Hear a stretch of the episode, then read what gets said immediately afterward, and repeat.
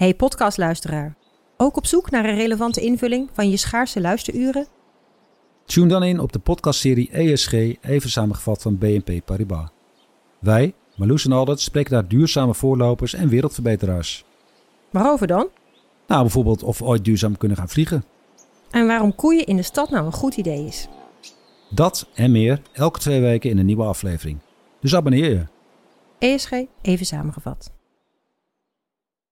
Ik ben al jaren ondernemer, maar waar moet ik eigenlijk allemaal aan denken nu ik voor het eerst personeel wil aannemen, voor het eerst ga importeren of voor het eerst een bedrijfslocatie zoek? Weet wat je wel of niet moet doen bij zaken die je voor het eerst oppakt. Check kvk.nl voor praktische stappenplannen. KVK, hou vast voor ondernemers.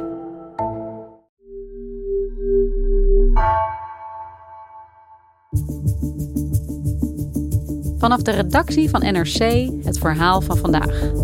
Mijn naam is Floor Boon.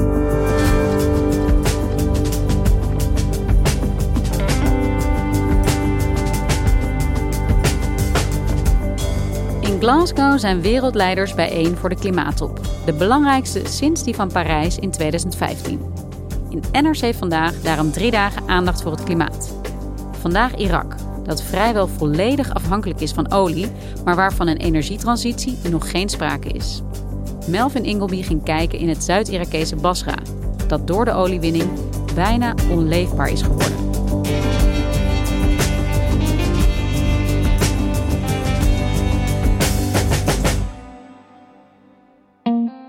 Ik was een paar weken geleden in Irak en heb vroeg in de ochtend het vliegtuig genomen van Bagdad naar Basra.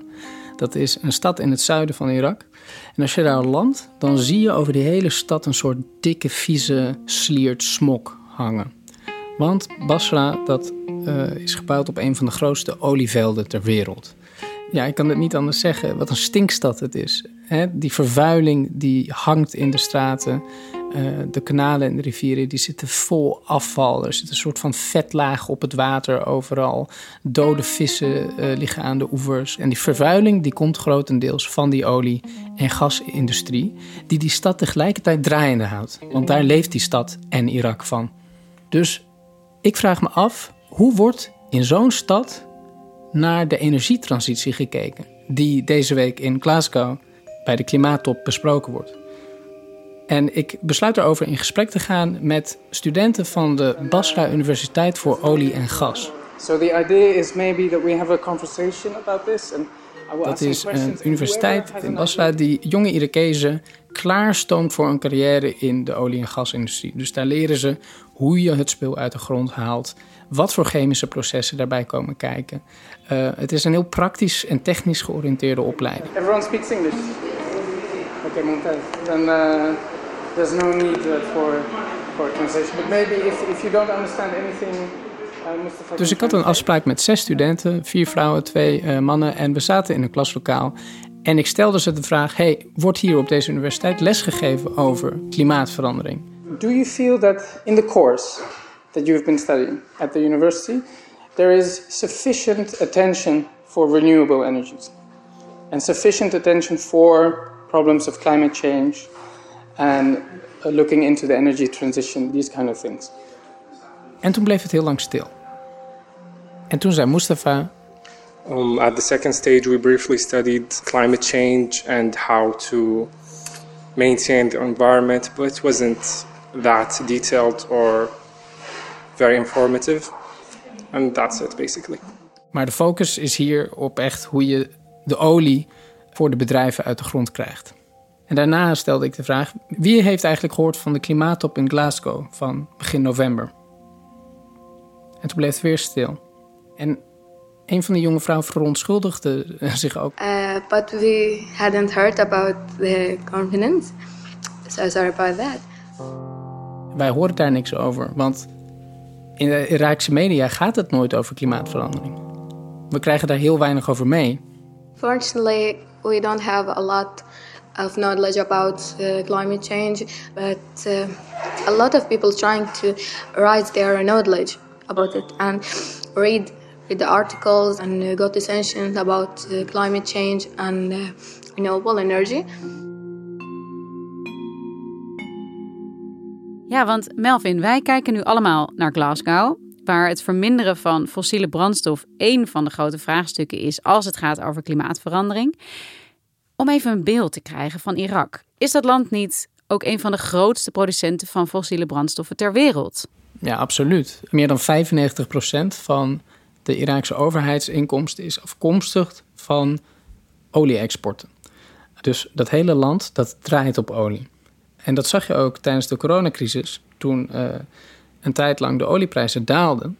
Toen zag je meteen dat uh, meer dan 5 miljoen Irakezen onder de armoedegrens gedreven werden, omdat er ineens veel minder inkomsten waren. Dus volgens de Wereldbank is Irak ook het meest kwetsbaar en het slechtst voorbereid in het geval van de energietransitie, die er natuurlijk aan zit te komen.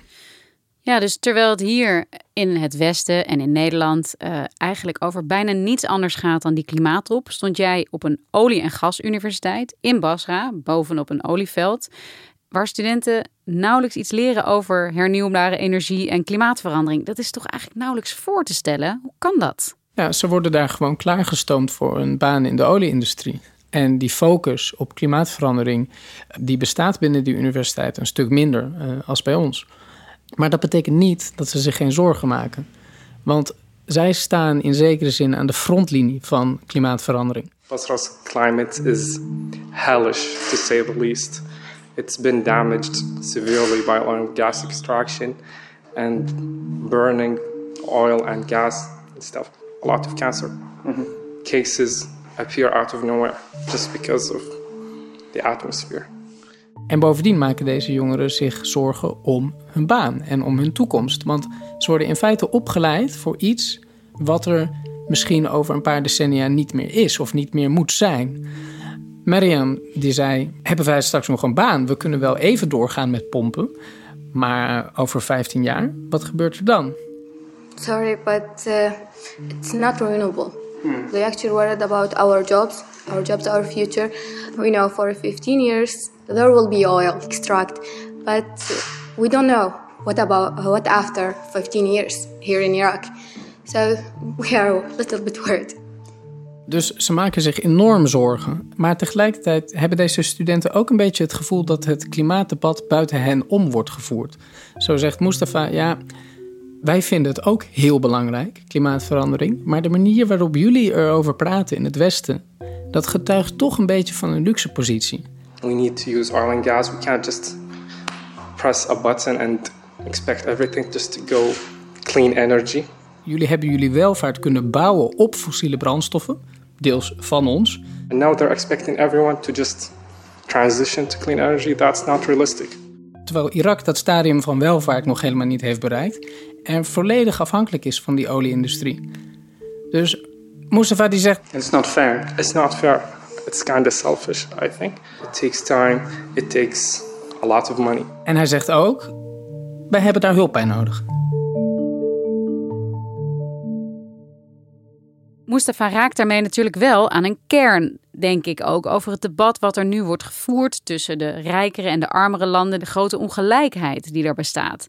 En die hulp is ook al eerder toegezegd, op de klimaatop van Kopenhagen bijvoorbeeld, waar rijkere landen beloofden dat ze armere landen zouden ondersteunen. Maar gebeurt dat dan ook? Ja, tijdens de klimaattop in Kopenhagen in 2009 werd al beloofd dat uh, tegen 2020 jaarlijks de rijkere landen 100 miljard dollar zouden vrijmaken voor hulp bij de energietransitie voor armere landen. In the context of a strong accord in which all major economies stand behind, the United States is prepared to work with other countries toward a goal of jointly mobilizing $100 billion a year by 2020 to address the climate change needs of developing countries. Maar in werkelijkheid is het duidelijk dat het geld wat beloofd is er niet komt. En uh, dat heeft mede te maken met het feit dat vooral de VS hun beloftes uh, in dit opzicht niet is nagekomen, maar ook heel veel andere landen. En dat laat zien dat er dus nog een hele lange weg te gaan is.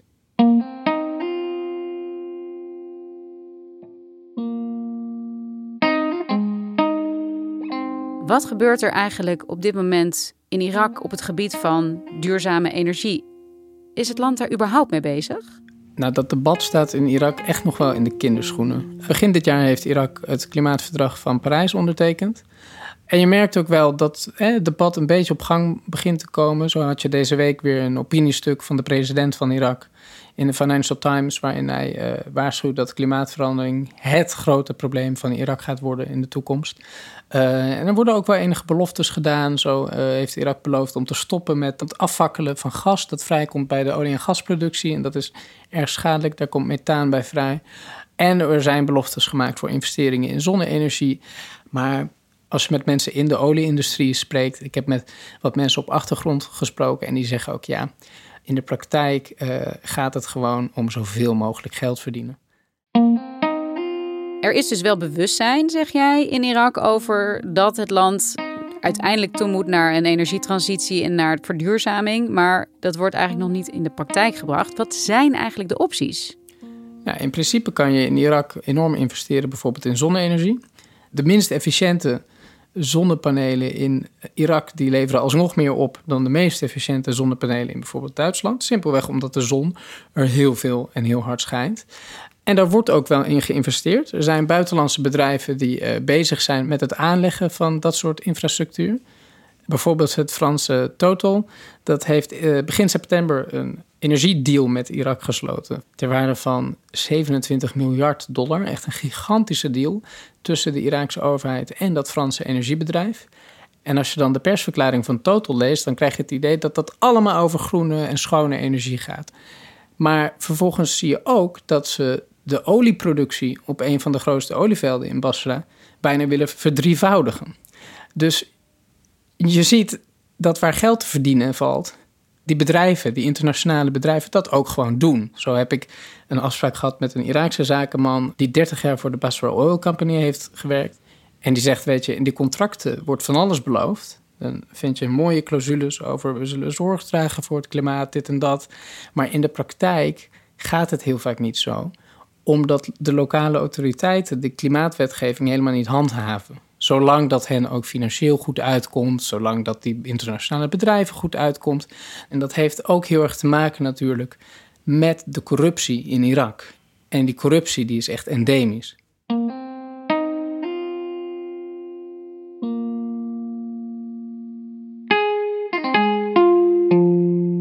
Dus de financiële belangen in die hele olieproducerende wereld die zijn gigantisch. En de regering is te corrupt om goede wet en regelgeving te introduceren om die grote bedrijven ook echt te dwingen om tot verandering over te gaan. Gaat de oliewinning in de praktijk dan gewoon onverminderd door? Ja, die productie die gaat onverminderd door. En uh, de mensen in Basra die hebben daar onverminderd last van. Ik ben naar een dorpje gereden, even buiten Basra, waar een groot olieveld ligt. En in dat dorpje heeft in vrijwel ieder huishouden heeft iemand kanker. Door de uitstoot van die olievelden vlak naast dat dorpje. Nou, ik ben bij één boer langs geweest, Sadik. En Sadik die heeft zijn boomgaard vlak naast een olieveld. Dus we komen daar aan en we lopen daar. Het is een hele mooie, warme septemberavond. De zwaluwen die zingen. Alles lijkt heel vredig, maar als je dan tussen die bomen doorkijkt, dan zie je daar grote vuurpluimen de hemel inschieten. Want daar ligt dat olieveld en daar wordt dus gas afgefakkeld. What happened here? The flares burnt the palm trees. Even though these flares are working, um, they used to work very, very violently. The fire was immense. It was huge.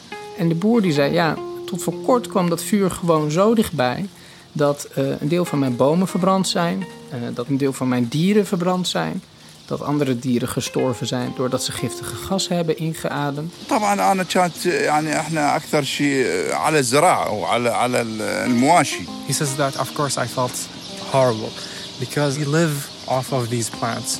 We live off of raising animals. That fire it killed the animals and it killed the trees we had. He Hmm. says that I had animals, but they all died because Hmm. of the fire. En uiteindelijk vertelt hij, en ook mijn zoon is in 2013 aan kanker overleden, toen hij pas 16 jaar was. If I may ask, um, what type of cancer did your son have? اي احنا اكثر شيء احنا انضربنا بالامراض ال- هاي الامراض السرطانيه اللي الرئوية كلها مم. He says uh, a lung cancer. Most of the people who died of cancer here, they died of lung cancer. Is er eigenlijk wel een alternatief op dit moment voor Irak? Een land dat zo beheerst wordt door die eigen olieproductie. Als de wereld in 2050 afgaat van olie en gas, waar kan Irak naartoe? Ja, dat is ook de vraag waar de mensen in Basra mee zitten. Hè? Want zij zijn ook afhankelijk van die olieindustrie. Het levert veel banen op. In die dorpjes rondom die olievelden, waar heel veel mensen kanker krijgen door die olieindustrie, smeken ze ook om banen in die olieindustrie. En die mensen die willen niet dat die olieindustrie en die bron van inkomsten eh, verdwijnt. Het alternatief zou natuurlijk zijn dat Irak investeert in andere industrieën. Of bijvoorbeeld in Basra, in de landbouw. Uh, want nou, ik sprak ook met oudere inwoners van die stad. En die vertellen mij, ja, vroeger was het hier schitterend. Het was uh, zo'n vruchtbare grond. Onze dadels waren wereldberoemd, die gingen de wereld rond. We hadden een, echt een bloeiende landbouwsector, maar die is verwoest om plaats te maken voor olie. Dus dat is de duistere paradox daar. Dat uh, juist omdat de olieindustrie die ruimte heeft ingenomen, er nu ook geen alternatieve industrie meer bestaan om in het levensonderhoud van de mensen in Basra te kunnen voorzien. Dat is wel een heel somber beeld eigenlijk dat je daar schetst. Zeker voor de nieuwe generatie en jongeren die opgroeien in een wereld waarin er een alternatief zal moeten komen. Wat wil die nieuwe generatie? Wat willen de studenten dat er gebeurt? Nou, die studenten die zijn zich veel meer bewust van de urgentie van het probleem dan de oudere generatie. Volgens uh, Mustafa, dus een van die jongens, ligt het ook aan het feit dat de oudere generatie echt veel heeft meegemaakt in Irak natuurlijk. Saddam Hussein, daarna uh, de Amerikaans-Britse invasie, oorlog, geweld. Dus altijd waren er meer urgente problemen. Maar je ziet dat deze studenten er heel erg mee bezig zijn en ook volop oplossingen proberen te bedenken. De een die heeft het over hè, meer bomen aanplanten. We have planting campaigns. We started a carnival for raising money for cancer patients because we partly feel it's our responsibility that we are contributing to that. And we hope that we can be a part of the solution, not a part of the problem. De ander die wil naar gascompressie toe in plaats van het afvakkelen van gas. De andere wil investeringen in zonne-energie. Dus ondanks het feit dat ze nauwelijks les krijgen over klimaatverandering, gaan ze het internet op om dingen op te zoeken. En ze hebben daar heel veel ideeën over. En natuurlijk heeft die jonge generatie in Irak nog steeds enorm veel problemen. Er zijn heel weinig kansen om een goede toekomst op te bouwen in Irak. Maar ze hebben net iets meer dan hun ouders de ruimte om zich zorgen te maken over het klimaat. Dus zegt Mustafa, ja, misschien wordt onze generatie de generatie die zich meer met het klimaat kan gaan bezighouden. Een beetje dan. Kinda. I think the older generation don't really care much about the environment because they've been through a lot, like wars, murders. So they have, as we said, like bigger problems to worry about. And we kinda care about the environment, and we should. And I think we are, and we will keep caring mm. about it. Dankjewel, Melvin. Graag gedaan.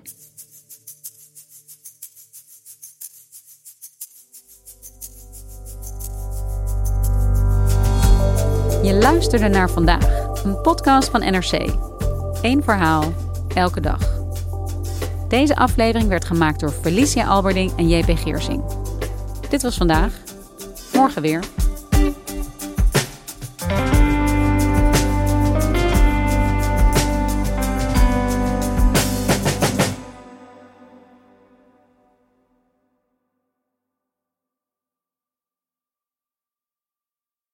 Technologie lijkt tegenwoordig het antwoord op iedere uitdaging. Bij PwC zien we dit anders. Als we de potentie van technologie willen benutten, kunnen we niet zonder een menselijk perspectief. Human-led, tech-powered noemen we dat. Ga naar pwc.nl.